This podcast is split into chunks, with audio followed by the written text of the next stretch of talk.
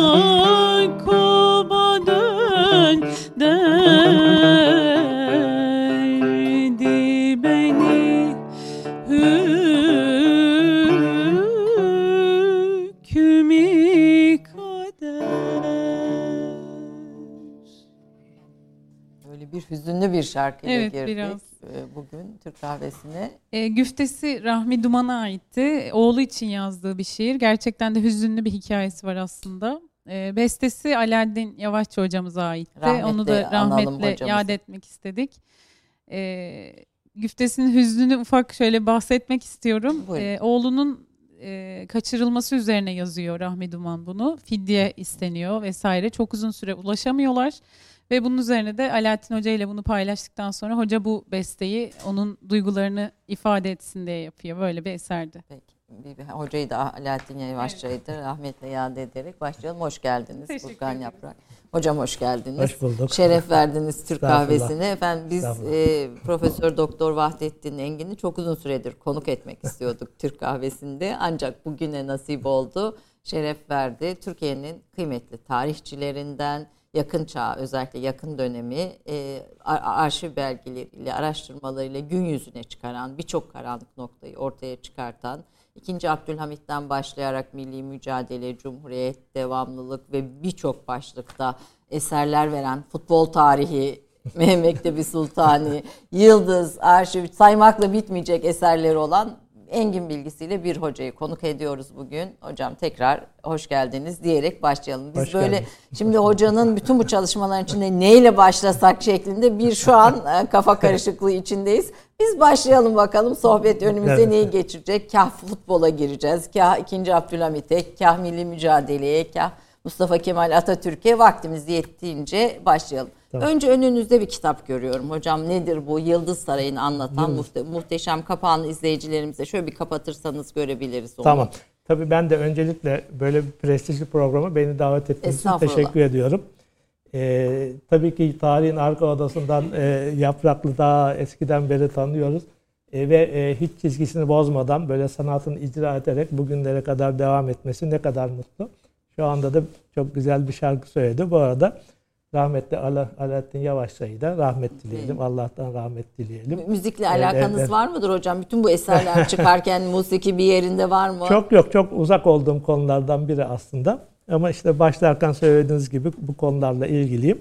Ve e, dediğiniz gibi Yıldız Sarayı kitabıyla e, başlayalım. Çünkü bu aslında son çalışmamız e, ve değerli bir çalışma oldu. Aslında hem zahmetli hem değerli bir çalışma oldu. E, şöyle, Yıldız Sarayı'nın tarihini anlatan ama çok kapsamlı bir şekilde anlatan e, bir eser oldu bu. Uzun bir e, uzun soluklu bir çalışma. Yani 5-6 yıl sürdü bunun çalışması. E, biliyorsunuz e, İstanbul e, Yıldız Teknik Üniversitesi'ne bağlı e, 2. Abdülhamit Araştırma ve Uygulama Merkezi var. E, merkez müdürümüz e, Melek Profesör Melek Özyetkin Hanım. E, dolayısıyla onun çabaları, diğer taraftan yazar arkadaşlarımızdan Doktor Ar Ayşe Ersay'ın çabaları, e, benim de katkılarımla e, bu çalışma ortaya çıktı.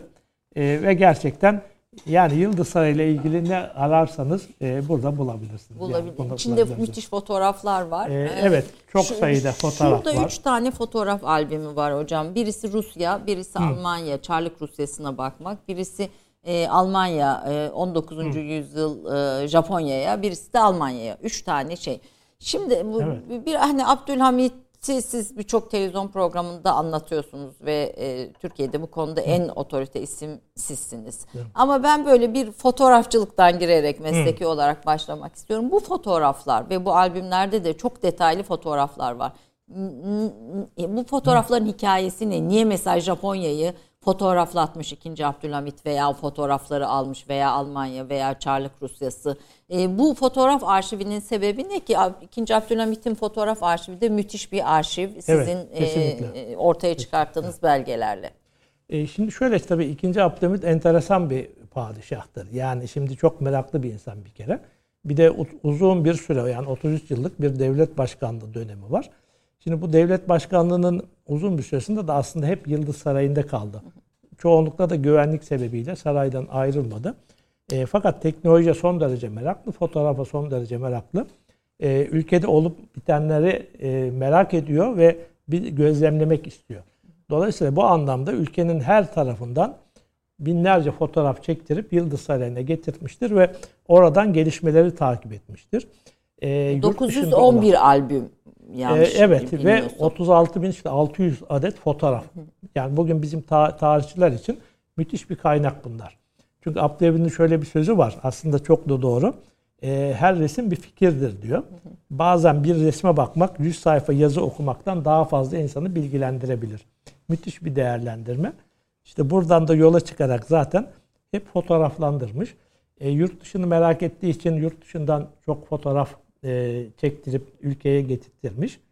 E, hatta e, Türkiye'de bu çektirmiş oldukları fotoğrafları e, oralardan albümler oluşturarak e, hediye olarak Amerika'ya, İngiltere'ye, Almanya'ya e, gönderiyor ki orada da bir algı yönetim var aslında. Bakın biz böyle bir ülkeyiz. Yani modern bir ülkeyiz. E, dolayısıyla o anlamda da diplomasının bir aracı olarak kullanıyor. Ve dolayısıyla şimdi bugün bütün bu fotoğrafların elimizde olması e, muazzam bir kaynak bize yani, tarihçiler açısından. Bir de bu yani. ülkelerin sadece fotoğraflarda mesela hani askeri şeyler falan yok e, şeyler var. Kültür tarihi var. Yani bu ülkelerin Tabii. kültür tarihine ilişkin de bir merak e, da yansıtıyor. Mesela Japonya'nın ben Rusya'ya e, özellikle baktım. Yani o nasıl yaşıyor oradaki insanlara dair Tabii. bir merak e, da var ee, içinde. Evet, hayatın içinden fotoğraflar çoğu zaman ve hatta biz tabii ki bu tarz böyle kitaplarla işte e, mesela albümlerde Türk-Amerikan ilişkileri, Yıldız albümünde Türk-Japon ilişkileri gibi e, bu çalışmaları yaparken bilahare orada sergilerle de bunlar desteklendi. Ve mesela Japonlar bu fotoğraflar bizde de yok şeklinde e, şey yapıyorlar. Yani dolayısıyla onların tarihler açısından da bir burada bir malzeme olduğunu görüyoruz ki e, son derece değerli. E, ve bütün hepsinin e, neticesinde de e, bu Yıldız Sarayı kitabın ortaya çıkmış olması. Bu bunların da, bir hülasası mıdır, birleşimi e, midir? Çok daha kapsamlısı, kapsamlısı tabii ki. E, yani bir çünkü burada Yıldız Sarayı tarihi de var aynı zamanda. Yani çünkü orada yüzlerce bina var. Çünkü Yıldız Sarayı diğer saraylardan farklı. Yani Neden? bir Dolmabahçe'den farklı, bir e, Beylerbeyi Sarayı'ndan farklı. Çünkü orası bir kompleks. E, yani binalar kompleksi ve ihtiyaç duyuldukça yeni binalar e, ilave edilmiş ve hepsi de aşağı yukarı e, ikinci Abdülhamid'in zevkini de yansıtıyor bir taraftan. Yani böyle çok görkemli, e, devasa yapılar değil, daha mütevazi ama estetik e, değeri olan yapılar. E, ve dediğim gibi ihtiyaç oldukça yeni binalar e, şey yapılmış ve aslında ülkenin idari merkezi Yıldız Sarayı. E, çünkü o ülke oradan idare ediliyor. Diğer taraftan da ikinci Abdülhamid dönemi Türkiye'sinin dünyanın önde gelen ülkelerinden biri olduğunu da biliyoruz haliyle. Yani o düveli muazzama deniyor ya. Düveli muazzamın unsurlarından biri de o zaman Osmanlı Türkiye'si. Şöyle de bir izlenim var. Hı. Abdülhamit kendini Yıldız Sarayı'na kapattı ve sanki dünyayla ilgilenmedi. Hı. O işte şey algı. Yani o anlamda bir bunlar hep söylene gelmiştir. İşte e, elektriği yasaklamış, eğitimi yasaklamış, saraya kapanmış, e, dünyadan olan bitenden hiç habersiz şeklinde e, böyle bir e, öyle e, öğreti, söylenti uzun yıllar devam etti ama şimdi bu tarz çalışmalar ortaya çıktıkça da aslında bundan hiçbir anlamı ifade etmedi. Tam aksine hem dünyadan haberdar, ülkede olup bitenlerden haberdar olduğunu net bir şekilde e, görüyoruz. Ve aynı zamanda dünyanın gözü de Yıldız Sarayı'nda. Bunu da unutmamak lazım. Yani neticede düveli muazzama unsurlarından biri de Osmanlı Türkiye'si olduğuna göre Yıldız Sarayı'ndan ne tür kararlar çıkacak? Bu İngiltere'yi de ilgilendiriyor, Rusya'yı da ilgilendiriyor, işte Almanya'yı da ilgilendiriyor. Diğer dünya devletlerini de ilgilendiriyor. Şimdi öyle olunca herkesin gözü de bir taraftan Yıldız Sarayı'nda. Yani şimdi böyle bir yönü var. Bir de tabii sanata da e, çok meraklı olduğu için 2. Abdülhamit e, Yıldız Sarayı'nda bir de tiyatro binası var mesela. E, yurt dışından konser için gelmiş olan bu tiyatro gösterisi olabilir, işte müzik konseri olabilir e, şeyler Avrupalı e, gruplar muhakkak Yıldız Sarayı'na davet edilir. Orada da konser verirler mesela. E, bu anlamda da bir şey var. Yıldız Sarayı'nın önemi var. Yani bir Avrupalı sanatçı için Yıldız Sarayı'nda padişah huzurunda konser vermiş olmak onun için müthiş bir şey. Prestij meselesi yani. Şimdi öyle olunca işte o bulunduğu dönem itibariyle Yıldız Sarayı bunun bilinmesi gerekiyordu. E, işte bu anlamda e, her şey burada e, var. Tabii bir de o kadar çok şey var ki Yıldız Sarayı'nın içinde. Yani e, işte silahhane var, e, kütüphane var, e, onda hayvanat bahçesi var, e, bir büyük bir havuz var. E, o havuzun içinde mesela elektrikli sandal kullanılıyor ikinci Abdülhamit. Değil mi? Teknolojiye uzak olan bir adam elektrikli sandal kullanır mı? Elektrikli Ve otomobil kullanıyor. Elektrikli otomobil kullanıyor. Yani şimdi e, bir yönüyle işte ikinci Abdülhamit elektrikten nefret ederdi e, ve ülkede yasaklamıştı diye bir söylem var. Ama bir taraftan e, Yıldız Sarayı elektriklendirilmiş. İşte elektrikli aletler Avrupa'da ne varsa gel getirilmiş ülkeye kullanılıyor. İşte elektrikli piyano, elektrikli fotoğraf makinesi gibi de ilaveler yapabiliriz. E şimdi e, bütün bunlar yaşandığına göre e, demek ki teknolojiye de e, çok açık. E, ve hepsi bunların Yıldız Sarayı içinde. Yıldız Sarayı'nda aynı zamanda e, Mahmut Şevket Paşa ile özellikle 2. Abdülhamit e, modern silah teknolojisi üzerinde denemeler yapar. Yani o zaman Avrupa'dan silah ithal ediyoruz ama e, Türkiye kendi silahını da yapabiliyor. Bunun bir kere bilinmesi lazım. Kendi silahını yapabiliyor. Ve dolayısıyla o silahhanede Mahmut Şevket Paşa ile beraber bunları, bunları nasıl modernize edebiliriz? İşte seri atışlı tüfekleri nasıl icat ederiz? Yani bunun çalışmalarını da yapılıyor bir taraftan. Yani çok yönlü bir tarafı var Yıldız Sarayı'nın. E, o açıdan e, işte dünyanın gözü de burada. E, bunların da tabii ki burada yer aldığını Nasıl söylemek lazım. Yani. gerekiyor. Şimdi evet. çok kısa bir ikinci Abdülhamit ile ilgili kitaplarınız, eserleriniz ve bu konudaki hem kendi YouTube siteniz birazdan konuşacağız hem e, başka programlarda yayınlarınız var ama benim e, sizinle ilgili çalışırken dikkatimi çeken bazı şeyler oldu. Bir ikinci Abdülhamit çarşafı neden yasakladı diye sormak istiyorum hocam. Bu konuşulan evet. bir konu. Bu enteresan bir mevzu tabii ki. E, çünkü ikinci Abdülhamit'e bunu yakıştıramayanlar var. E, bir de iyi ki yasaklamış diyenler var. Türkiye'de biliyorsunuz tarihe biraz ideolojik olarak da bakılabiliyor yani. Şimdi 1890 yılında e, bir şehir içi e, seyahatinden dönerken e, bu tarz insanlar görüyor. Çarşaflı insanlar görüyor. O yüzden o dönemde aynı zamanda Ermeni törünün yoğun olduğu hem Doğu Anadolu vilayetlerinde başlamış hem de İstanbul'a giderek yaklaşmaya başlamışlar. Şehir içinde böyle bombalama faaliyetleri, terör faaliyetleri falan e, başlamış. E, ve dolayısıyla e, bunların e, özellikle örneği de de rastlandığı için daha çünkü tahta ilk geçtiği zaman birkaç darbe girişimiyle karşı karşıya kaldı. E, bunlardan biri mesela çarşaf kıyafetinde çarşafa bürünmüş bazı erkeklerin Çırağan Sarayı'nı basıp 5. Murat'ı oradan kaçırıp tekrar tahta geçirme çabasıydı. Ali Suavi yani, olayı. E, e, hemen onun öncesindeki bir olay.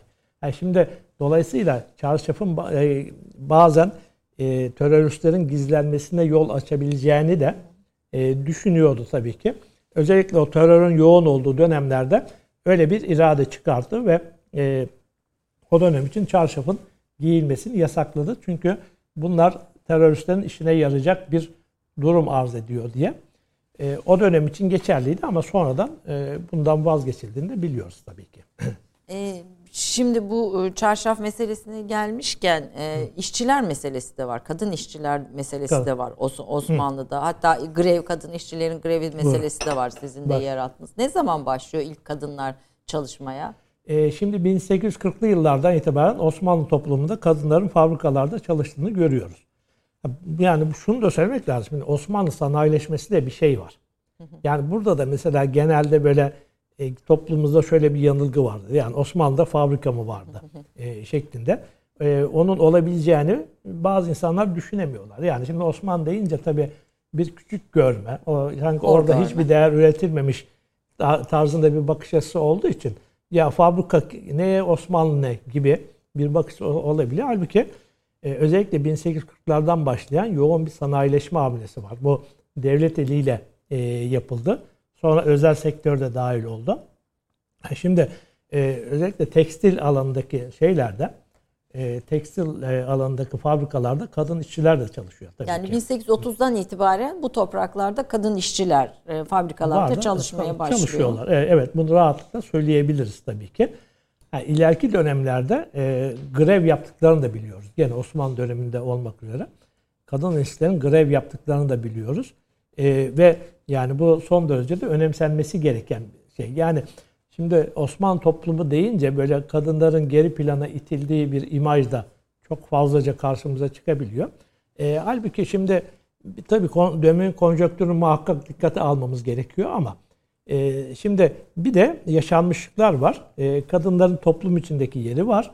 E, bunun olumlu veya olumsuz yönleri de var. Tabii yani mesela kadın aydınlarımız var aslında.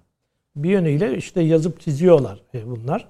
Ha, ama bir taraftan da bazı gelenekler e, çok hoş karşılamıyor. İşte bir kadın buna tepkiler, reaksiyonlar e, var. Tepki oluyor veya işte eşinin izni almadan gazetede yazı yazamıyor mesela. Yani şimdi işin bu boyutu da var. Ama buna rağmen e, kendini yetiştirmiş, e, işte kitap yazan, e, gazetelere makale yazan, işte hanımlara mahsus gazete diye bir çok uzun soluklu bir gazete var mesela. E, buralarda yazıp fikirlerini ortaya konan e, kadınlar da var. Şimdi bu anlamda işte kadınların toplumdaki yeri e, nedir? Konjonktürü de dikkat ederek e, aslında e, öyle e, zaman zaman vurgulandığı gibi e, kadın toplumda hiç yoktu şeklinde düşünmemek lazım. Toplumda olabildiği kadar oluyordu. Mevcut durumun e, öngördüğü şartlar çerçevesinde oluyordu. Bu ilk kadınların yani. grevi ne konuda oluyor hocam? E, şimdi bu 1911 yılında, 1911 yılında Bursa'da bir ipek fabrikasında çalışan kadınlar ki hatta bu tarz tekstil ürünlerinde bazen kadınların sayısı erkek e, çalışanın sayısını da aşabiliyor yani. E, öyle. E, ipek fabrikasında tabii çalışma saatlerinin azaltması, e, e, azaltılması ve e, ücretlerinde iyileştirme yapılmasına yönelik olarak bir grev yapıldığını biliyoruz 1911 yılı. Hatta o Bursa'da başladı. Sonra Bilecik ve çevredeki şeylere de yayıldı. Yayıldı. Yani bunların yaşanıyor olması aslında işte tarihimizin belki bilinmeyen noktalarından biri.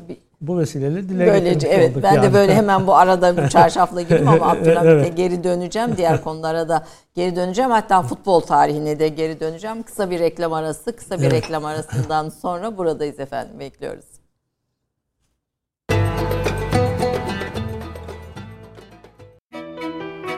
Vahdettin Engin 1956'da Kocaeli'nin Yarımca ilçesinde doğdu.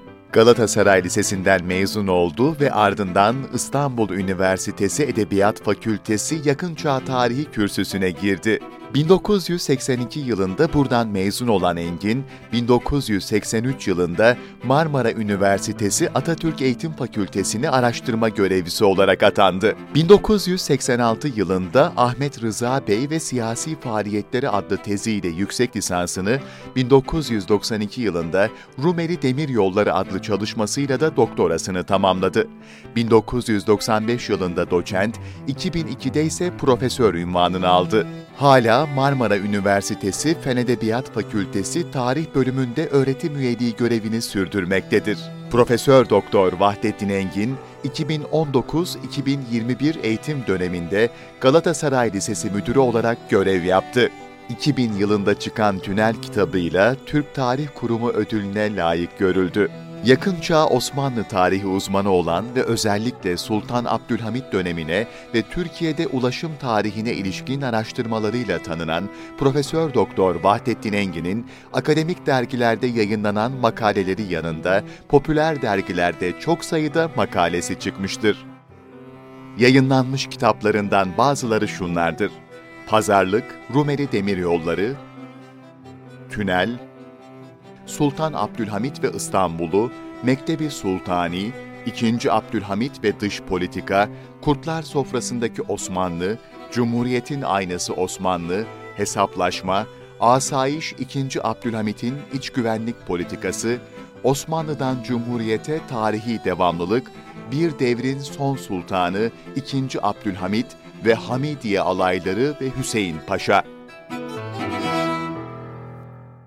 Efendim bu kadar çok eserin büyük bölüm masamızda ama çok kısa şu e, Rumeli Demiryolları teziniz olması itibariyle de önemli. Bugüne de bağlantılı. Çok kısa bir bu kitap üzerine bir şey söyler misiniz hocam? E şimdi benim doktora tezim Rumeli evet. Demiryolları. Ee, şimdi şöyle e, Osmanlı açısından önemli. E, Osmanlı açısından şöyle bir önemi var. E, demiryol dünyada ortaya çıktığı andan itibaren aslında bir bir nevi ulaşımda ihtilal meydana getirdi diyebiliriz. Yani toplu taşımacılık ve süratli taşımacılık. Şimdi dolayısıyla şimdi Osmanlı devlet adamları ve padişahlar dünyaya kapalı insanlar değildi. Ve ortaya çıkar çıkmaz demiryolunun önemini hemen kavradılar. Mesela Sultan Abdülmecit diyor ki keşke bu e, trenler benim ülkemde de olsa diyor. Veya işte Sultan Abdülaziz diyor ki e, demir yolunun saray Topkapı Sarayı'ndan bahçesinden geçmesi söz konusu. E, onu sakıncalı görenler oluyor. Diyor ki ülkemde demir yolu yapılsın da isterse sırtımdan geçsin ben razıyım diyor. Yani böyle bir teknolojiye merak var ve bunu ülkeye getirme e, çabası var. Şimdi dolayısıyla baştan itibaren bu önemsendi. E, ve e, bir iki yönü var. Bir İstanbul'u Balkanlara bağlayacak şekilde demiryolu yapımı. E, ikincisi de İstanbul'u e, Bağdat ve Basra Körfezi'ne bağlayacak şekilde bir demiryolu. Böyle bir e, hat e, düşünülüyor. E, dolayısıyla ben e, Rumeli Demiryolu üzerinde çalıştım. Çünkü önce buradan başladı. Çünkü e, Osmanlı Balkanları bir vatan olarak görüyordu. Yani kısa süre sonra elinden çıkacak bir e, coğrafya olarak değil, vatanı dolayısıyla büyük yatırımlar da yapıldı bu anlamda. Ve Rumeli Demiryolu da gerçekten düşünüldüğü e, e, anlamda işte İstanbul'u Karadeniz'e bağlayacak, bir taraftan Ege Denizi'ne bağlayacak, Avrupa'ya bağlayacak 2000 kilometrelik muazzam bir demiryolu hattı. Fakat şimdi tabii teknolojisi o dönem için yeterli değil. Artı sermaye birikimi yok. E, o yüzden Avrupalı sermayelerden destek aranıyor bu anlamda. Getirip burada yatırım yapmaları için. E, şimdi tabii ki bu süre içinde e, mesela rastladıkları bir şey işte Baranuş isimli bir banker Osmanlı Devleti'ne evet bu demiryolları kısmen yaptı. E, ama o arada da e, devleti ciddi anlamda dolandırdı diyebiliriz. Devletin tecrübesizliği de bu anlamda tabii ki e, rol aldı. yabancı yatırımcı ile ilişkideki tecrübesizliği. Evet o tarz ilişkiler. Mesela uluslararası anlaşmalar yapılıyor bu anlamda. Şimdi o uluslararası anlaşmaları e, müteahhit kendi lehine olacak şekilde dizayn ettiği zaman e, işte mahkemeye gittiğinizde e, şeyler oradan e, lehine çıkıyor kararlar. Dolayısıyla o anlamda bir tecrübesizlik. Bir de e, 1854'te dış borçlanma başlamış. Giderek dış, dış borçlanma ödeleri sıkıntıya e, girmeye başladığı için artık şartlar, borçlanma şartları giderek ağırlaşmış. Dolayısıyla bu mesela Rumeli Demir Yolları için yapılan borçlanmada 100 e, lira borçlanma karşılığında devletin kasasına 33 lira girdi ki korkunç bir şeydir bu yani. Bu sadece 100 lira için bunu söylüyorum. Tabii ki bunun devasa rakamlar gerekiyor burada. Yani bu emisyonu %33'tür. E, şimdi zaten baştan ciddi bir zarara giriyorsunuz. Ha, demir yolu da bu arada yapıldı ama kısmen yapıldı. E, kısmen yarım kaldı. E, maalesef e, arkasından çıkan bir 93 Harbi'nden sonra o hatların bir kısmı da elimizden çıkmış oldu. Ama her halükarda demir yolu o dönem itibariyle ki her zaman öyledir gittiği yer ihya eder. Onu evet, da bakmak lazım. O, onu geliştirmiştir. İhya eder. E, dolayısıyla bu konuda Osmanlı Devleti'nin önemsemesini e, ben de bir tarihçi olarak e, gerçekten çok ciddiye alıyorum. Sonrasında çok daha fazlası yapıldı tabii yapıldı. ki. Tünel bu, bu da yeni evet. ödül alan Türk Tarih Kurumu'da ee, bir evet. kitabınız. E, çok kısa buna da e, değinelim istiyorum. Bu Galatasaray'a çıkan Beyoğlu'na ee, Beyoğlu'na evet, çıkan. Evet Beyoğlu'na çıkan şey, Karaköy'den Beyoğlu'na çok sempatik bir ulaşım aracıdır. İlk, ilk yap işlet devlet e, modeli olarak modeli. da bunu söyleyebiliriz yani. E, burada tabii ki e, müteahhit kendisi e, imkanlarıyla bunu yaptı. E, şimdi bu da e, aslında demir yoluna çalışırken doğal olarak Osmanlı arşivinden birçok belgeyle aşina alıyorsunuz. Ve orada bunu da e, görmüş oldum. Şimdi burada dikkatimi çeken şey şuydu. Yer altından giden bir metro. E, şimdi önce şunu tespit ettim. Bu e, genelde daha önce okuduğum kaynaklarda dünyanın üçüncü metrosu olarak hep öyle sunulmuş. Fakat şunu tespit ettim. Hayır ikinci metrosu. Dünyanın ikinci metrosu. Bu da ciddi bir önceliktir aslında e, e, bizim açımızdan. Yani dünyanın birinci ikinci metro. Paris mi? E, birinci metro Londra'da. Londra metrosu. Londra'da, ikincisi Türkiye'de. Hı. Yani bu ciddi bir önceliktir aslında. Ha sonradan uzamadı o ayrı mesele ama şimdi diğer taraftan gene dönemin atmosferini bilmediğiniz zaman günümüzdeki değerlendirmelerle hep hataya düşmek mümkün olabiliyor. Mesela birçok yerde şunu gördüm. E, işte tünel yer altından gidecek ya o dönemin Şeyhülislam'a bir fetva vermiş güya. Ve o fetva çerçevesinde demiş ki insanlar e, ölmeden yer altına giremezler. Dolayısıyla böyle bir ulaşım aracı yapılamaz. E, Gerçek mi? Değil tabii ki. Değil. Yani birkaç yönü var bir kere. E, dönemin tabii şimdi tanzimat fermanı ve sonrasındaki süreci iyi bilmek lazım. O dönemdeki merkezi yapılaşmayı bilmek lazım. İşte bir meclis fükela hükümet oluşuyor. Şeyhülislam hükümetin bir üyesi olarak artık kendi alanına sınırları kendi alanına çekilmiş. Dolayısıyla böyle bayındırlıkla ilgili konularda Şeyhülislam fetva vermez. Sorulmazdı zaten. Dolayısıyla böyle bir fetvanın zaten olması mümkün değil. E, nitekim aradım. Tabii öyle bir fetva da yok. E, ve bir, e, ayrıca da biraz önce dediğim gibi böyle teknolojik gelişmelere son derece açık bir ülkeden söz ediyoruz. E, o yüzden ne öyle bir fetva var ne de insanların bunu yadırgaması var. Tünel açıldı ve insanlar bindiler. Ve işte enteresan o zaman kadar da belirli aralıklar haricinde günümüzde de devam ediyor ve çok işlevsel. E, çünkü hakikaten zordur. Yani yürüyerek e, işte Beyoğlu'ndan yokuş, e, yüksek kaldırım yokuştur. E, dolayısıyla çok böyle bir buçuk dakika içinde şeyden işte Karaköy'den Beyoğlu'na çıkıyorsunuz. E, bugün de hala işliyor. İşliyor, işliyor yani. Evet, bunu Dolayısıyla böyle... bunun hikayesini yazmak beni çok e, hem eğlenceli geldi hem de yani e, belki iyi yaptığım işlerden biri olarak bunu değerlendiriyorum e, hepsi yani. Hepsi muhteşem. Ben hangi başlığa girsem diye şaşırıyorum. e, bir tarihçi olarak siz bir Abdülhamit uzmanısınız ve aslında birçok evet. karanlık noktayı da ortaya e, çıkartan birisiniz. Bir kitaplık ortaya çıkarttınız Abdülhamit üzerine. Evet. Sizi Abdülhamit, e, ikinci Abdülhamit çalışmaya sevk eden sebep neydi? Neden e, onun üzerine yoğunlaştınız? Bir de bunu yaparken şey de aktarın istiyorum hocam. Hı. 19. yüzyıl bizim için neden önemli? Yani 19. yüzyılın tarihini tarihini bilmek e, neden önemli? E, bugüne devamlılığını da e, yavaş yavaş konuşalım. Buyurun. Şimdi önce oradan başlayalım. Şimdi 19. yüzyılda 20. yüzyıl tabii yaşanan gelişmeler çerçevesinde çok örtüşüyor. Olaylar çok örtüşüyor. Yakın dönem olduğu için ve gerek Türkiye veya Türkiye'nin muhatabı olan ülkeler, çevre ülkeler aynı ülkeler olduğu için dolayısıyla yaşanan gelişmeler de e, çok paralel gidiyor. Günümüzde paralel gidiyor. Şimdi o anlamda 19. yüzyılda yaşanan olan bitenleri bildiğiniz zaman aslında şunu yapabiliyorsunuz. Günümüzdeki gelişmeler karşımıza çıktığında benzeri olayı bir e, orada görmüş oluyorsunuz. Şimdi yaşanmış bitmiş dolayısıyla size şu mesajı verebiliyor. E, şunu yaparsanız doğru yaparsınız. Şunu yaparsanız sizi yanlışa götürür. Şimdi böyle bir avantaj sunuyor bize. E, o, o yüzden işte 19. yüzyılın hem iktisadi yönüyle hem siyasi yönüyle hem sosyal hayatıyla e, ve günümüze olan etkilerini de düşünerek çok iyi bilmemiz gerekiyor ki mevcut durumlarımız için doğru tespitler yapalım. Günümüzü iyi anlayalım. Hatta geleceğimize yönelik projeksiyonları da oradan aldığımız e, mesajlarla e, yönlendirelim yani. 19. yüzyıl bu anlamda önemli ve zaten müthiş bir tarihi devamlık var. Şimdi e, ben de yakın çağ tarihçisi olduğum için tabii ki e, uzun yıllarda Osmanlı arşivlerinde çalıştım. Belgelere birçok binlerce belgeler gördük.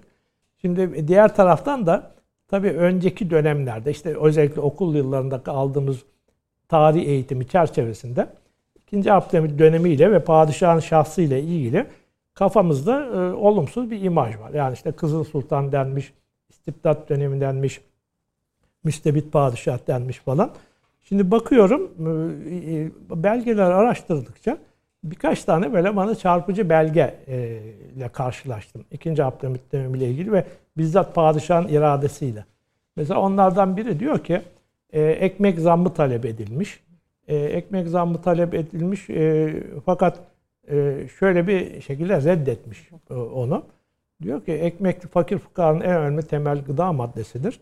Beş para bile zam yapılmasına izin vermem diyor. Yani küçük bir rakam beş para o dönem için. Beş para bile zam yapılmasına izin vermem. Bir şekilde bunu subvanse edelim ama fakir fukaraya yansımasın bu şey. Ha şimdi hani bu bir belge olunca tabii ki e, doğrudan artık padişahın zihin dünyasını görüyorsunuz orada. Çünkü e, karar verirken gerekçe de yazıyor. Gerekçe de yazınca aslında ne düşünmüş, hayata bakışı falan hepsini e, ortaya çıkarmak mümkün. E, dolayısıyla zaten hepsi bir araya geldiğinde genel anlamda padişahın zihin dünyasını giderek daha çok anlamaya başladım. Arşivler, yani şimdi, belgeleri. E, tabii arşiv belgesi. Çünkü bir de arşiv belgesi bize doğru bilgi veriyor. Yani acaba şu mu budur demiyorsunuz. Yani orada bilgi net bir şekilde emrini vermiş. Bu böyle olacak demiş. Gerekçesini de yazmış. Yani şimdi e, o zaman ya müstebit adam, vahşi bir adam, işte kan dökücü bir adam bunlar hep e, söylene gelmiş şeyler. E, ama bir taraftan da böyle bir merhametli bakış açısı var. Mesela başka bir şey e, gene çarpıcı geldi bana. E, işte e, imalathanelerde mesela e, biliyorsun imalathanelerde işte fakir fukaraya yemek verilir. E, şimdi buradan bir bilgi gelmiş padişaha ki padişahın gündelik hayatında ne kadar yoğun olduğunu düşünebilirsiniz. Yani e, işte birçok işi var padişahın. Devlet işleri daha çok da. Şimdi bu çok işleri arasında gelen bilgi şu. İmalathanelerde pişirilen çorbaların içindeki pirinç tanelerinin yetersiz olduğu şeklinde bir bilgi gelmiş. Şimdi padişah o kadar işi arasında bununla ilgilenir mi? Şimdi bir bakıyorum ilgilenmiş. Diyor ki fakir fukara madem yemek veriliyor ki verilmesi lazım zaten. E, bununla e, doğru düz yemek verelim diyor. Yani doğru. Yani pirinç çorba mı pişiriyorsunuz? Yeteri kadar pirinç olsun. Et yemeği pişireceksiniz. Yeteri kadar et olsun. E, ki o zaman şehir emaneti daha çok bu işlerle ilgilenir. Eğer ödenek yetmiyorsa hazine hassadan destek olalım diyor. Şimdi bu da çarpıcı bir örnek.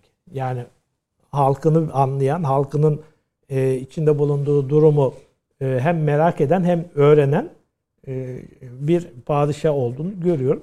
Bir örnek daha vereyim. Çünkü çok sayıda var aslında bundan ama mesela şimdi e, şeyler işte eczaneler e, İkinci Abdülhamit'in ülkede eczane var. İşte e, insanlar ihtiyaç duyduğu zaman şey yapıyorlar, e, eczaneden ilaç alıyorlar. Şimdi şöyle bir şey düşünmüş ve bunun emrini vermiş.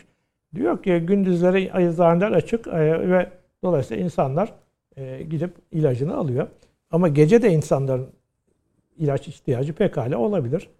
Peki ne yapacak gece bu insanlar? O yüzden diyor bazı eczaneler gece nöbetçi kalsın ve gece de açık olsun. Nöbetçi eczane geleneğini Nöbetçi başladı. eczane uygulamasını başlatıyor. Mesela şimdi üç tane örnek verdim ama bu üç örnekte aslında padişahın hem hayatın içinden olduğunu hem de aslında insanların gündelik hayatta nelere ihtiyaç duyduğunu ve onlara çözüm üretmeye çalıştığını yani vatandaş lehine çözüm üretmeye çalıştığını e, görebiliyoruz.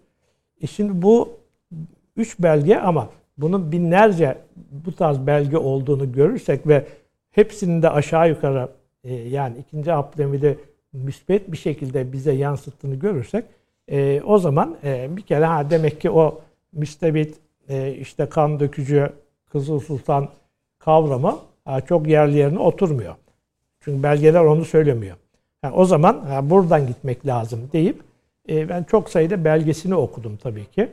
Ve oradan yol e, gördüm. E, tabii ki hep böyle müspet yönlerin daha ağır bastı şeklinde. Ama hatası olmaz mı? E, olur tabii. Eleştirdiğiniz tarafları da var. E, mesela e, e, tabii ki olabilir. Mesela o yani belgelere vakıf olduğunuzda bazı Hı. şeyleri daha farklı yapabilirdi diyorsunuz. E, yani şimdi 33 Eleştiri yıllık değil bir, ama değerlendirme e, evet.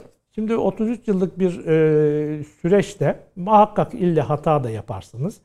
E, bir de olayların çok yoğun olduğu bir e, dönemdir bu. Yani Avrupa'nın çok yoğun olarak saldırdığı ve e, Osmanlı Türkiye'sini yıkmaya çalıştığı bir dönem olduğunda unutmayalım. Yani orada bir ayakta kalma mücadelesi var. Şimdi bu anlamda o e, şey içinde, o olayların yoğunluğu içinde e, kendisinden sonra e, ki ülkenin nasıl olabileceği konusunda yeterli hazırlık yapamadı. E, yani kendi var olduğu sürece evet çözüm üretiyor. Birçok şeye çözüm Mesela üretebiliyor. Mesela aşı, şimdi Turkovak aşısını yaptık. Hani ilk aşımızda Abdülhamit döneminde Evet aşı e, evet aşı var. Ondan sonra onların yaygınlaşması için insanlar özendiriliyor.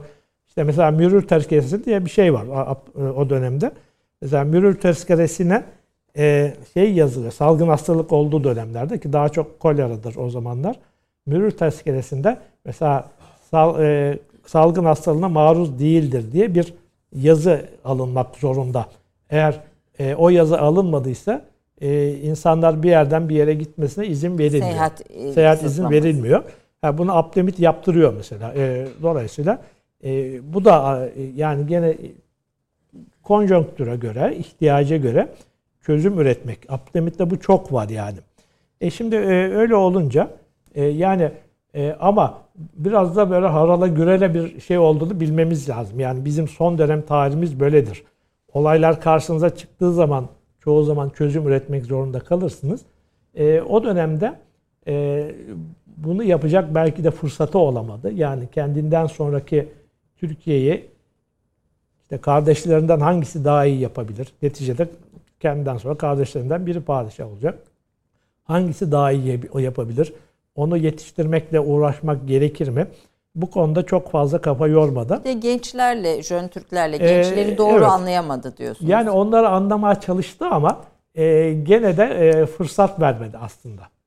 E, çünkü anlamaya çalışmasının sebebi de belki şöyle bir örnek var. Mesela bir dönemde gençlerin bir kısmının e, işte e, özellikle tıbbiye ağırlıklı olmak üzere böyle ateizme yakın bir şey olduğunu görüyor. Yani e, biraz o yöne doğru kaydıklarını e, görüyor. En erken batılılaşan e, tıbbi e, ve ha, askeri Tıbbiye daha çok o konuda evet e, daha ön plandadır. Ve ateizm e, şeyleri de görülüyor. Bunu merak ediyor. Yani e, merak ediyor ve niye gençler e, böyle bir eğilime sahip oluyorlar diye.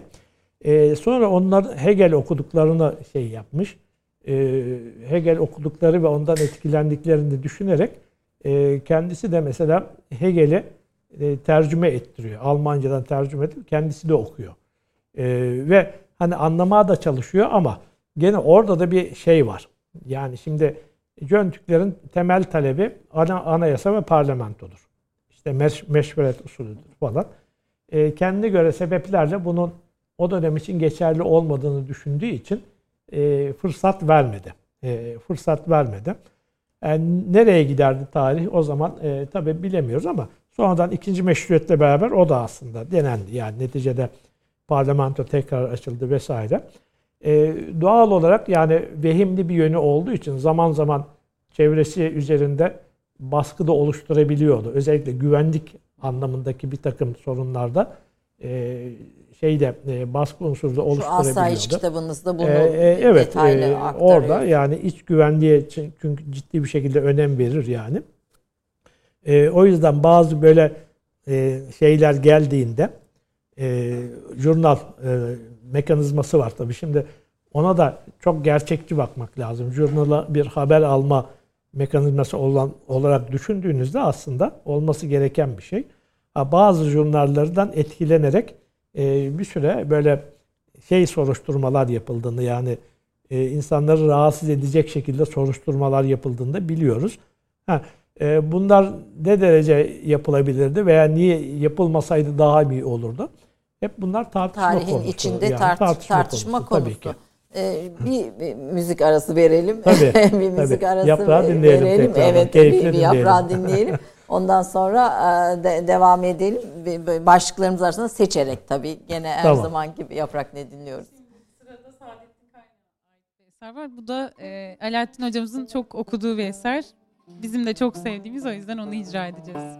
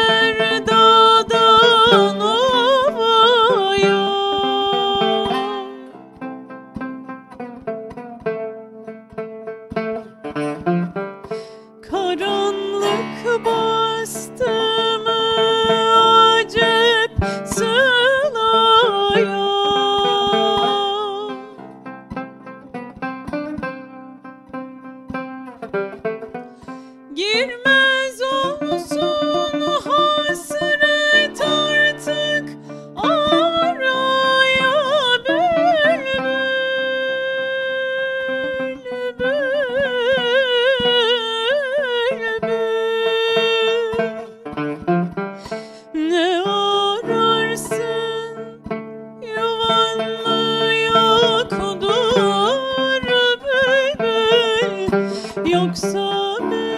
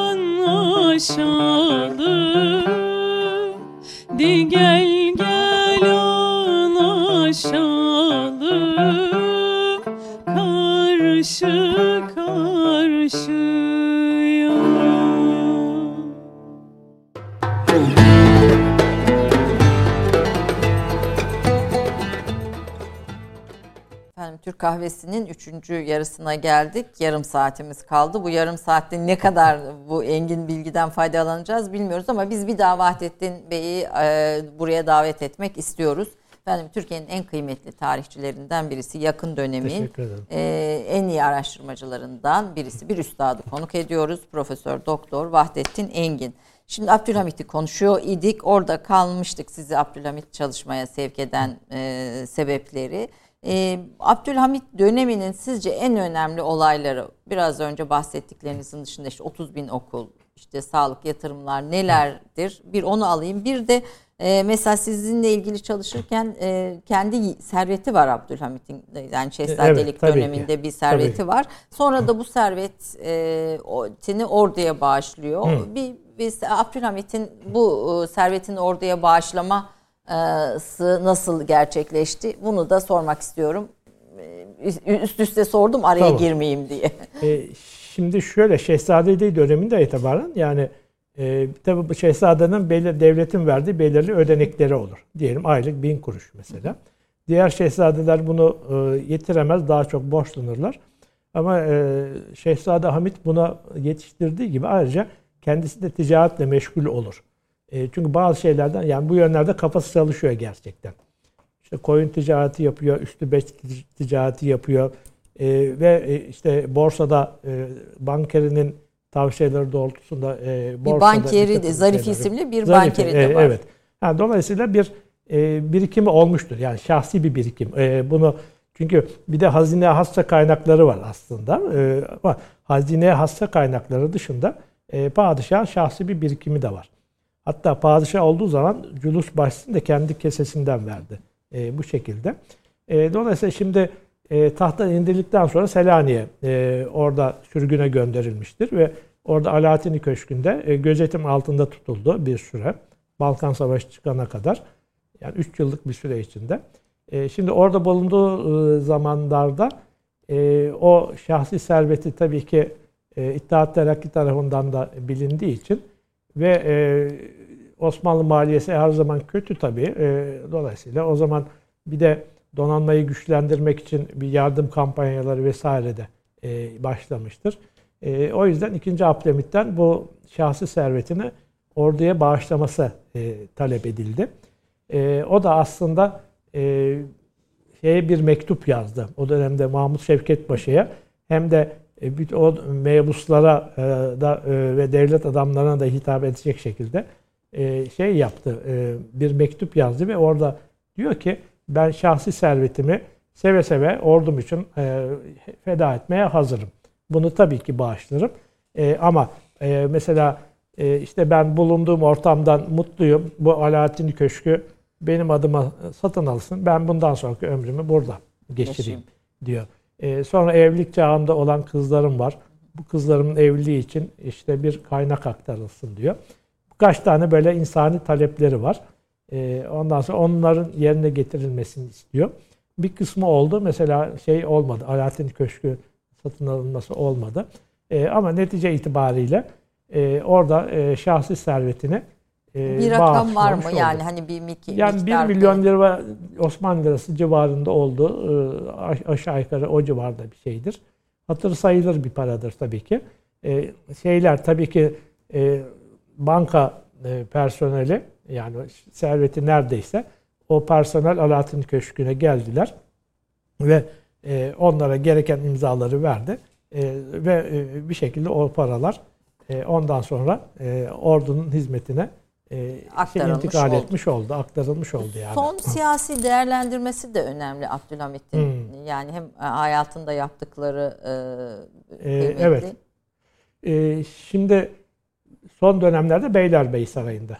Çünkü Selanik elden çıkınca e, şey İstanbul'a getirildi. Beylerbeyi Sarayı'nda ikamete başladı. Selanik'te gazete okumuyordu. Olan bilenlerden hiç haberi olmuyordu.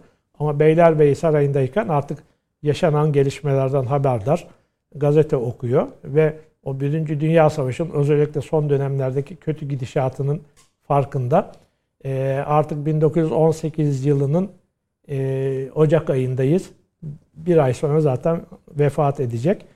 Ve e, birinci savaş kaybedilmek üzere bunları net bir şekilde görmüş. Aslında Birinci Dünya Savaşı ile ilgili kendi öngörüsü de vardı padişahken. Yani onu bir kenara bırakalım e, son şeyde e, diyor ki doktoruna söylüyor bunu. E, korkarım ki diyor İngilizler e, ülkemizde e, bir Arabistan, bir Kürdistan, bir de Ermenistan kurtul, e, kurduracaklar diyor. Allah halimize acısın diye. E, bir şey var ki bunun üçü de e, denendi. İşte Arabistan coğrafyası elimizden çıktı. Ermenistan'ı kurdurmak Kuruldu. istediler. Sevr'de vardı. Kürdistan kurdurmak istediler. Sevr'de vardı. Ki milli mücadele sayesinde bunlar önüne geç, geçildi.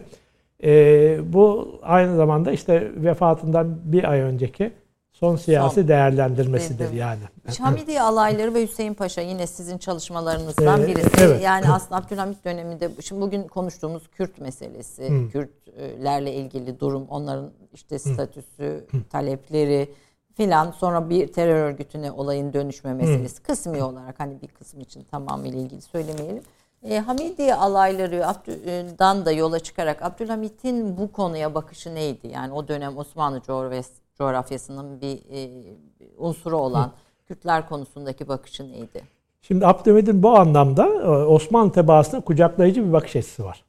Hani şimdi muhalif bir kesim var. E, şimdi muhalifler Abdülhamit'i sevmiyorlar. Ama bir de sıradan vatandaş açısından meseleye bakmak lazım. Yani sıradan vatandaş 2. Abdülhamit döneminde halinden çok şikayetçi değildir. Yani gündelik hayatı içinde e, işte karnını doyuruyor, geçimini sağlıyor ve e, ilginç bir şekilde de enflasyonun olmadığı, en azından ikinci Abdülhamit döneminde enflasyonun olmadığı ve sosyal devlet anlayışında geliştiği bir süreç e, yaşandığını söyleyebiliriz. O açıdan şimdi sosyal e, sıradan vatandaşların çok şikayetçi olmadığı bir dönemde ikinci Abdülhamit politikasının aslında toplumun her kesimini kucaklayıcı bir politika olarak değerlendirmek lazım. Bunun için de gayrimüslimler de var. Ee, yani hatta onların birçoğunun ayrılıkçı, problemli yönlerini bilmesine rağmen gene de onları da kucaklayıcı bir politika uyguluyor. e, Kürtler açısından daha da bu e, önemli. Çünkü neticede aslında Kürtler e, gayrimüslim de değil. Yani Müslüman bir taba. Yani, e, dolayısıyla e, onların da e, bu ülkenin bir vatandaşı olarak haliyle kucaklanması Abdülhamit açısından son derece önemli. Nitekim e, yani o dönemde bir e, Kürtlerin ikinci Abdülhamit'e e, Kürtlerin babası şeklinde bir e, vasıflandırma yaptığını da biliyoruz. Şimdi burada Hamidi alayları meselesinde de aslında e, orada bir şey var. Daha çok aşiret halinde tabii yaşadıklarını biliyor. E, ve e, bunlar e, işte e, muazzaf ordu içinde her zaman bunları orduya almak mümkün olmuyor. Ama öyle bir proje e, geliştiriyor ki e, hem onların e, potansiyelinden, gücünden yararlansın e, hem de onlara değer verildiği aslında bir taraftan da vurgulanmış olsun. Dolayısıyla e, bir de daha çok Rus sınırı bölgesinde e, yaşadıkları için e, Osmanlı sınırı da bir nevi aslında Rus saldırına karşı bir güvence altında da tutulacaktır bu şekilde. Bir taraftan da Ermeni isyanlarının da yoğun olduğu bir dönem. Yani bu e, bir nevi güvenlik gücü de olarak da e, değerlendirilecektir. Ve e, bu şekilde e, Hamidiye alaylara oluşturuldu. Burada ağırlıklı olarak Kürt aşiretleri var ama tabii Türkmen aşiretleri de vardır Hamidiye alaylar içinde. Arap aşiretleri de vardır. Yani dolayısıyla bu bir kucaklayıcı bir şey. E, onların sahip olduğu potansiyeli değerlendirmek. Çünkü mesela aşiret lideri e, işte birçok alay kurulduğu için mesela o alayın e, liderlerinden biri aşiret lideridir. Ama onun yanına muhakkak ona yardımcı olması için bir şey verir. Mu, muvazzaf bir subay verir. O da hem disiplini sağlamak hem de onlara e, askeri eğitim vermek için işe yarar. Zaten Hamidiye alaylarının bir de üst makamı vardır. E, o da 4. Ordu Komutanlığı. Erzincan'daki 4. Ordu Komutanlığı. En üst şeyi de Zeki Paşa'dır. Şimdi dolayısıyla Hamidiye alayları bu anlamda e, zaman zaman iç güvenlik meselelerinde e, ve ihtiyaç olması halinde yani Rusya ile bir savaş olması halinde de e, savaşta da e, Rus saldırılarına set çekecek şekilde e, düşünülmüş, değerlendirilmiş ve e, aslında bu işlevsel de olmuştur. Yani böyle bakmak lazım. Şöyle bir örnek vereyim. Şimdi gene o, o dönemde Van ve çevresinde yoğun Ermeni şeyleri yaşanıyor. E, isyanları yaşanıyor. Bunlar ciddi şekilde şey problemi de yaratıyor. Güvenlik problemi de yaratıyor mesela. İşte bu anlamda Hamidiye alayları bu güvenliği sağlamak için değerlendirilirken İngiltere'den bir şey geliyor. Yani bir ultimatom demeyeyim ama hani tavsiye niteliğinde bir tavsiyeden öte bir şey e, deniyor ki orada e, gelen e, mektupta. E, işte e, ille bu isyanları baş, baş e, yap, e, isyanları söndürmek zorundaysanız işte oraya mutedil bir komutan gönderin e, şeklinde İngiltere'den bir talep gelmiş. Şimdi buna verdiği cevap ben çok son derece önemliyorum. Aslında e, tokat gibi bir cevaptır. Dolayısıyla 2. Abdülhamid'in bu yönleri var. Yani ille İngilizcesine tokat atması gerekmez. Bazen öyle ifadeler kullanır ki o tokattan daha fazla etki yapar. Şimdi diyor ki Osmanlı Devleti bağımsız bir devlettir diyor. Bir güvenlik problemi yaşıyor. Orada e, işte sivil insanlara saldırıyor. Ermeni terör çeteleri saldırıyor. Şimdi bunu ille bastırmak gerekiyorsa şey, şeklinde bir ifade kullanmanız bir kere son derece abes diyor. Bir güvenlik problemi varsa bu bastırılacaktır diye. Ha, ikinci olarak oraya hangi komutanı göndereceğimi ben bilirim diyor.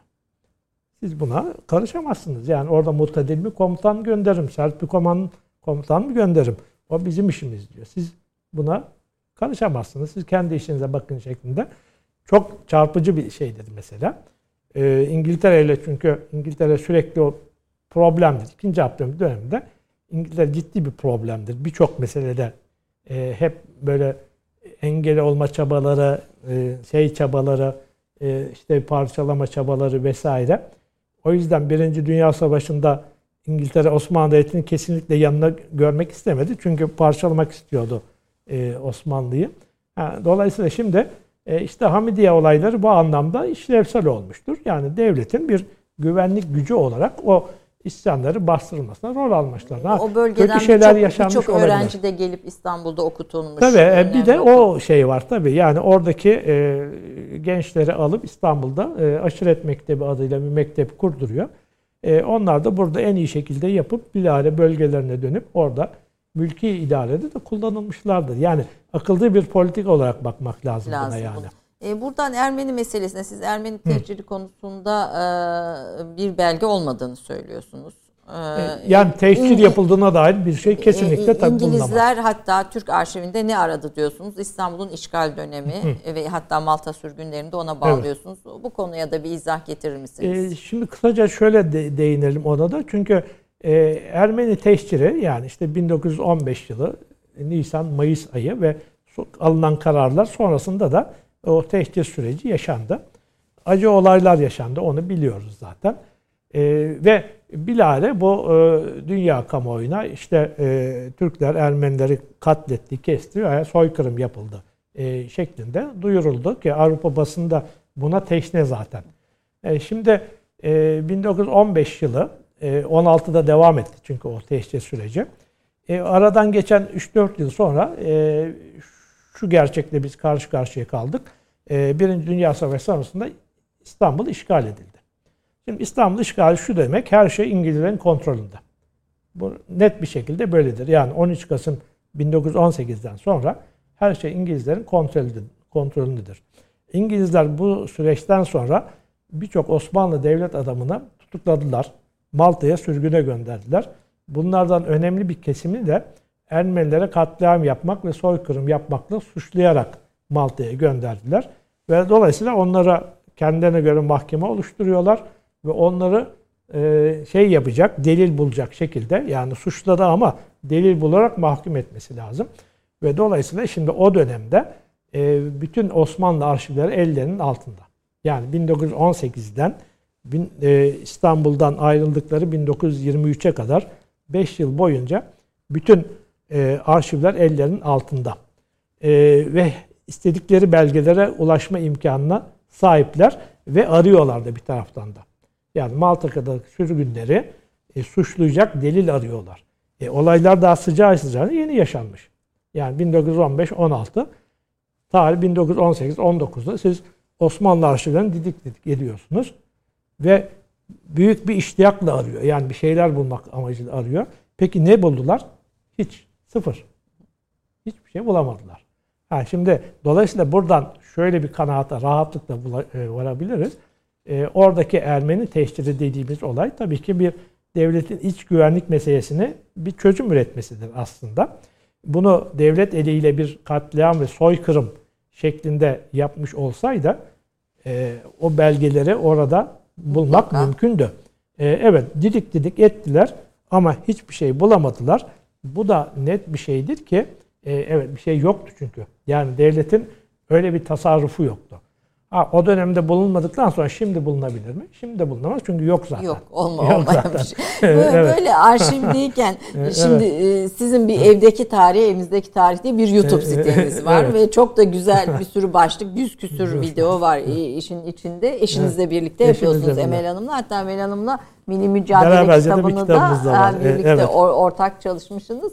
Emel Hanım da çok hoş böyle bir o, o süreçte size evet. sizi iyi modere ediyor, katkı sağlıyor o e, YouTube sitesine tavsiye ediyorum izleyicilerimize de. Oradaki başlıkların içinde futbol başlığının en çok böyle izlenen başlıklardan birisi olduğunu da gördüm. İşte siz e, ilk milli maç ne Hı. zaman yapıldı, futbol tarihi hatta Galatasaray ve Fenerbahçe arasındaki Hı. bir şeyden dolayı da e, bazı tartışmalara da sebep oldunuz.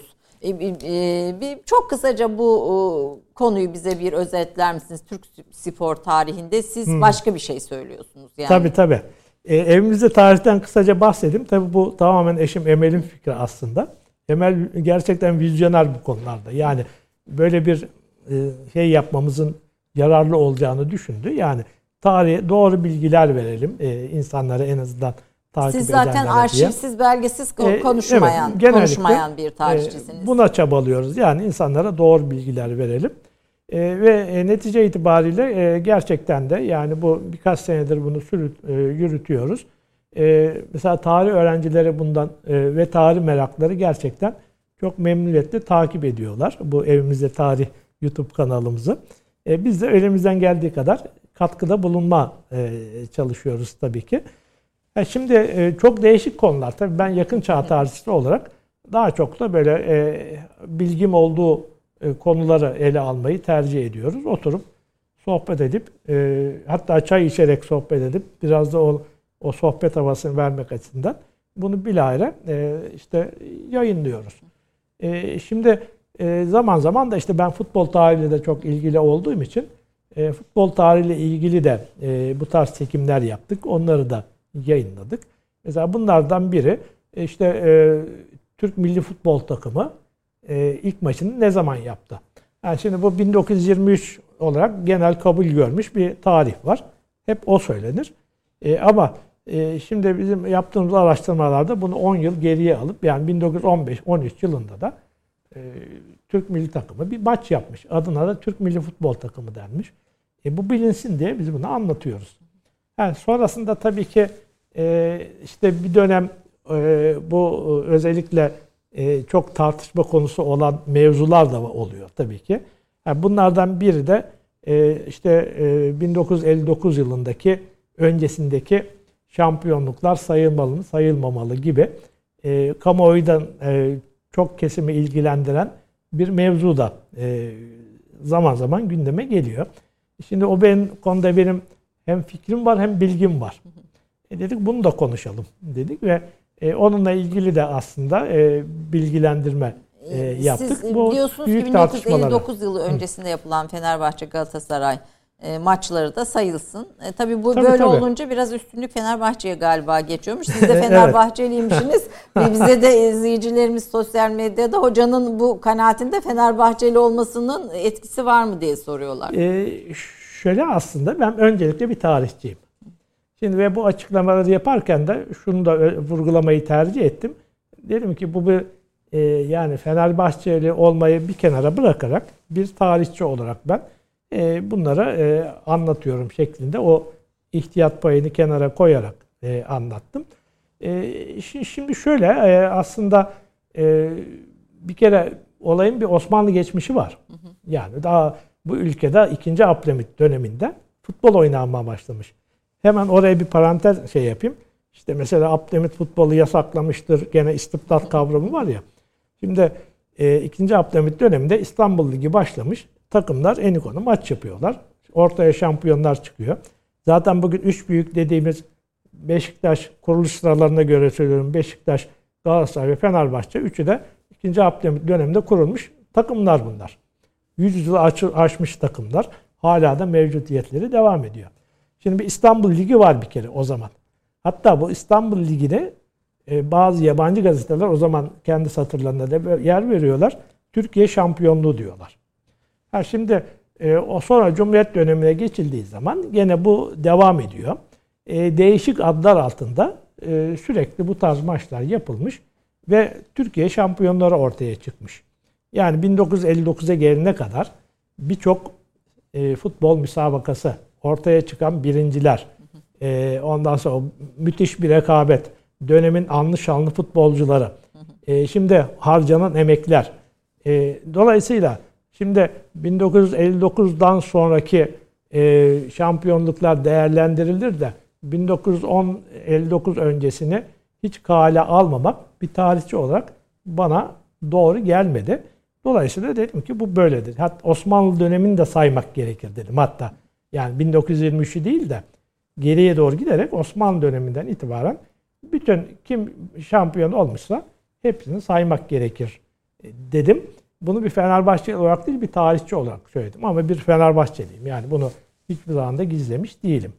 Ee, söyledim sonra kıyamet koptu tabii ki. Bu bir şey meselesi. Zaman zaman bu işin maddi yönü de oluyor tabii ki. Yani şampiyonluğa göre federasyondan katkı alıyor takımlar. O yüzden Fenerbahçe'nin bu anlamda öne çıkması belki daha fazla e, kendine kaynak aktarılmasına yol açacak. Yani bunlar da sebep olabilir. Neticede büyük bir tartışma ortaya çıktı. E, ben hala aynı yerdeyim. Yani o ne söylediysem aynı şeyi söylemeye Murat, devam ediyorum. Bu Tayin Arka Odası'nda da galiba bu konu gündeme geliyor. Murat evet, Bardakçı'nın o zaman da e, konuya ilişkin e, şey yorumu da şöyle e, spor tarihi konusundaki yayınları kendine laf atanların boyuna yakındır hocanın diyor ve dolayısıyla 1959 öncesi şampiyonluklar hakkında söylediklerine karşı çıkanlar hocanın görüşünü çürütebilmek ve geçmişte kazanılmış kupaları yok sayabilmek için belge ortaya koymak. Evet. Te- teşekkür ederim Murat Bardakçı'ya. doğru, doğru evet zorundadırlar diyor. Yani bu konuda bir belge ortaya sizin belgeleriniz bunun tam aksini söylüyor. Ee, şimdi siz bu şimdi de söylerken yani futbol tarihini de Osmanlı'dan başlatarak alıyorsunuz. Hı. Aslında Tabii. çok az da bir süre kaldı ama çok kısa bir e, onu da notlayalım. Bunu bir ikinci program için söz kabul edelim. Devamlı ikinci programda İnşallah. konuşalım. Tarihi bir devamlılık olarak evet. görüyorsunuz. Yani Osmanlı devri bitti, Cumhuriyet devri başladı gibi Hı. bir ayrıma gitmiyorsunuz. Ee, ve bazı başlıkların da devam ettiğini bunu örnek olarak e, gösteriyorsunuz. Şu Tarihi Devamlıklar kitabını evet. bulayım. Sırarla izleyicilerime de tavsiye ediyorum. Ben çok e, severek de okudum bunun içinde. Bu devamlıklardan birisi askeri darbeler. Yani evet. futbol tarihinde. Birisi iktisat, birisi tarih dersleri ee, çok kısa buna böyle bir giriş yapalım. İzleyicilerimize bunu bir ikinci program içinde sizden bir söz alarak e, ikincisini yapacağımızı söyleyerek e, yarım bırakalım. Yani, çok kısa olarak şöyle söyleyeyim. E, bu coğrafyada e, özellikle Malazgirt'ten sonra oluşmuş bir siyasi yapı var. Ve bu siyasi yapı günümüzde devam ediyor. Bir kere yani bin yılı aşmış e, e, bir süreç içinde bir Türk devleti var. Ve e, işte Selçuklu Türkiye'si diyoruz, Osmanlı Türkiye'si, Cumhuriyet Türkiye'si diyoruz. Bu devlet yıkıldı, e, yerine yeni bir devlet kuruldu anlamında değerlendirdiğimiz zaman e, birçok şey yerlerinde oturmuyor.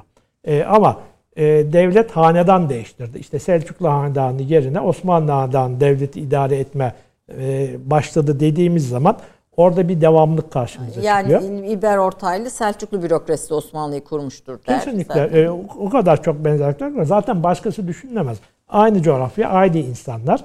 E, maddi manevi değerler de olduğu gibi intikal ediyor.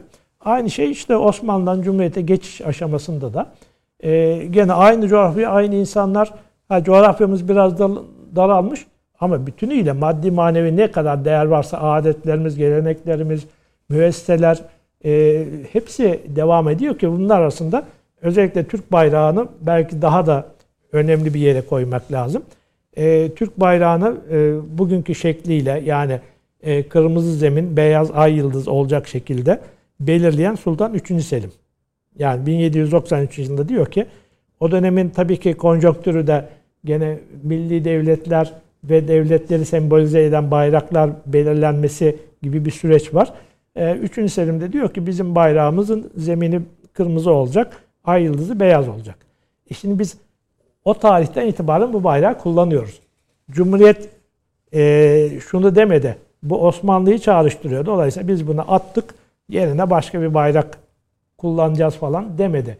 Olduğu gibi aynı bayrağı devam ettirdi. Sadece standart getirilmiştir. Yani ölçüler e, anlamında standart getirilmiştir. E, bu muazzam bir zaten devamlıktır. Yani Osmanlı, e, Türkiye Cumhuriyeti Osmanlı bayrağını kullanıyor. Çünkü o Türk bayrağıdır. Ve bunun gibi tabii ki o geçişleri e, ispatlayacak. Yani burada bir aslında bir devletin yıkılıp yerine yenisinin kurulmadığını sadece bir rejim değişikliği olduğunu yani saltanat rejimi yerine cumhuriyet rejimine geçiş yapıldığını e, ortaya koyacak sayısız örnek var. Şimdi biz bütün bu örnekleri görmezlikten gelip de e, yani Osmanlı Devleti yıkıldı, işte yerine yam, yepyeni bir devlet kuruldu diye baktığımız zaman gene birçok şey kopuk oluyor. Anlam vermekte zorlanıyoruz. E, dolayısıyla böyle bir tarih anlayışıyla geçmişimize bakarsak günümüzü de gene daha iyi anlayabiliriz. E, yani çok somut bir örnek daha vereyim. Mesela e, işte saltanat kaldırdıktan sonra son sadrazam e, Tevfik Paşa istifa ediyor tabii ki. E, istifa ettikten sonra Ankara hükümeti Tevfik Paşa'ya emekli maaşı bağlıyor. Yani, yani net, net bir şekilde ona emekli maaşı bağlıyor. Çünkü çok birbirini farklı görmüyorlar aslında. Hani ideolojik bakış açıları var. E, evet e, bir takım tabii ki dünyaya bakışları farklı olabilir ama Neticede bunlar hepsi aynı devletin fertleri, aynı Türk devletinin fertleri. Ee, böyle bakıldığı zaman dediğim gibi hem günümüzü daha iyi anlayabiliriz hem geleceğimizde tabii ki ona göre daha iyi yönlendirebiliriz. Efendim biz söz alıyoruz sizden bir sonraki programda bu devam eden yani Osmanlı'dan bugüne devam eden kurumları, yapıları, gelenekleri, siyaset İnşallah. yapma biçimlerini konuşalım. E, buna giremedik bu pazarlık e, evet, Theodor Herz meselesine, Abdülhamit'le evet, Theodor evet. Herz'in Filistin pazarlığına. Buna vakit kalırsa girelim e, ve Cumhuriyet'in aynısı Osmanlı. E, evet orada Abdülhamit ve Atatürk birbirlerine bakıyorlar. Yani onun bir manası var, var tabii ya, ki. Evet, biraz da bunu Darbeler demiştik. Darbelere de ayrıca değinebiliriz. Değinebilir. Çünkü orada da bir tarihi devamlık var. Ee, Osmanlı çıkan. borçlarını nasıl ödedi Borçlar onu... meselesi var tabii ki. Yani Osmanlı Bunlar... borçlarını nasıl ödedi konusu da e, ayrı evet. bir konu. Bunlara Bunlar... da değinme sözü alarak İnşallah. E, yaprağa bırakalım. Son söz izleyicilerimize de bir nefes alma molası verelim efendim. Çok çok teşekkür ben ediyorum. Ben de teşekkür ederim davet ettiğiniz. Lütfettiniz. Tekrar bekliyoruz efendim. İnşallah. Son olarak Sultan Abdülaziz'e ait bir eser geliyor muhayyer makamında. Bir huzurum nale-i mürgidili divaneden diyeceğiz. Peki efendim.